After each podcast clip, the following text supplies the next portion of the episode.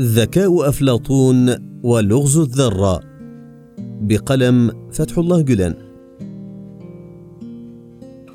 إننا نرى في جميع الكون في باطن الأشياء والأحداث وفي ظاهرها قدرة الله الباهرة بجلاء.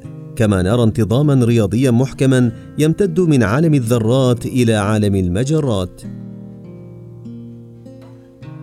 مثلا إذا ألقينا نظرة إلى الذرة وحللنا طريقة عملها بدءا من النواة التي تشكل الجزء المركزي منها ووصولا إلى البروتونات والإلكترونات التي تتحرك داخل النواة سنكتشف أن ثمة نظاما رياضيا مذهلا داخل الذرة.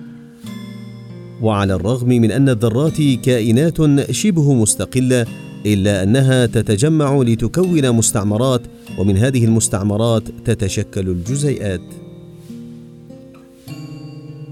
وإذا درسنا المنظومة الشمسية من زاوية الإشعاع وحقل جاذبية الشمس فسنرى أن ثمة تناسبا قويا بين الشمس وكواكبها ويبلغ هذا التناسب حدا لا يمكن تجاهله إذ في كثير من الأحيان نلمح تأثير التقلبات الخاصة التي تحصل في الشمس على سطح الأرض وتضاريسها. وهذا التأثير يتناسب طرديا مع حقل جاذبية الشمس وحالة الإشعاع فيها.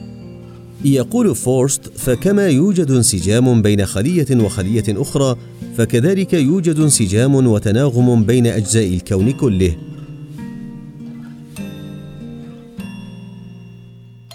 مثل الخلية كمثل الحكومة شبه المستقلة تتمتع فيها القيادة باستقلال ذاتي وتعمل على الحفاظ على بنيتها. حيث تقوم بإرسال حاجاتها إلى المركز المسؤول عنها ثم يقوم هذا المركز بنقل الطلب إلى مركز أعلى. وبعد ذلك يتم توصيل رزق هذه الخلية ونصيبها إلى عتبة بابها وفقا لقائمة الحاجات التي قدمتها من قبل إلى المركز المسؤول.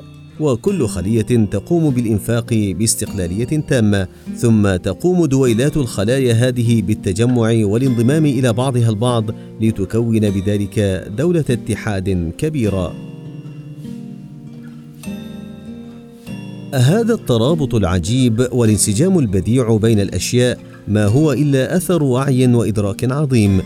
وإنما يقوله هؤلاء الذين لم يدركوا حقيقة المسألة لا يتعدى عبارات الذهول والحيرة والاندهاش ظنا منهم أن مصدر هذا الوعي والإدراك هو الطبيعة. لذا لا يجدون حيلة سوى الاندهاش والحيرة أمام التدبير العظيم. أما نحن فنعبر عن حيرتنا وإعجابنا بهذه العبارات الجميلة. سبحان من تحيرت في صنعه العقول. أجل. إن الذات الإلهية التي انبهرت العقول أمام آثار قدرتها منزهة عن العجز والنقصان. فكل خلية من بين ملايين الخلايا التي تكون الجسد تبدو وكأنها تملك عقلا جبارا تدير به العالم عقلا مثل عقل أفلاطون في ذكائه وفطنته. وكأن هذه الخلايا كلها عقدت اتفاقية فيما بينها لتؤازر بعضها بعضا في حماية الجسد وإدامة صحته بقوة. ألا تؤكد عملية الخلايا هذه على وجود قدرة عظيمة يخضع لها كل شيء في الكون؟ هذا التآزر المحكم موجود أيضا في عالم الذرات الذي تعيش فيه الكائنات الصغيرة بانسجام. وموجود كذلك في الكون الذي تجري في فضائه النجوم والكواكب. وبالتالي فإن الموجات الكهرومغناطيسية والإشعاعات تتفاعل فيما بينها بوعي عجيب.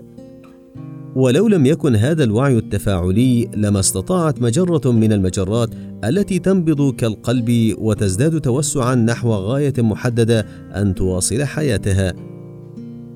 من الواضح إذن أننا إزاء قوة خارقة وقدرة جبارة وهذا الترابط المنضبط يؤكد على وجود وعي تفاعلي بين جميع الموجودات. لنتأمل الآن هل الذرة العمياء الصماء العاجزة التي لا تملك عقلا ولا قدرة ولا إرادة هي التي أسست هذا الانضباط والتدبير والترابط الذي يمتد من أصغر الأكوان إلى أكبرها؟ أم الله ذو العظمة والجلال المنزه عن النقص والمتصف بجميع صفات الكمال.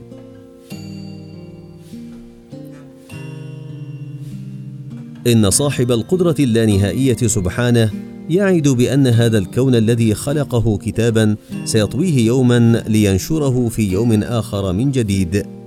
وما دام هو القائل وما دام الأنبياء والصديقون والأولياء المعنيون بهذا الموضوع يشهدون على ذلك فإن البعث سيتحقق بكل تأكيد. فعلينا أن ننظر إلى البعث على اعتباره واجب الوقوع وليس ممكن الوقوع. يقول تعالى يوم ينفخ في الصور فتأتون أفواجا وفتحت السماء فكانت أبوابا. إنه مشهد رهيب حيث يجتمع الناس أجمعون والجن أجمعون في ميدان الحشر للإجابة على أسئلة الأمانة الكبرى التي تحملوها وتحضر الملائكة والكائنات الأخرى كذلك شاهدة عليهم. وما أكثر الآيات القرآنية التي تلفت الأنظار إلى دهشة مشهد الحشر ذلك.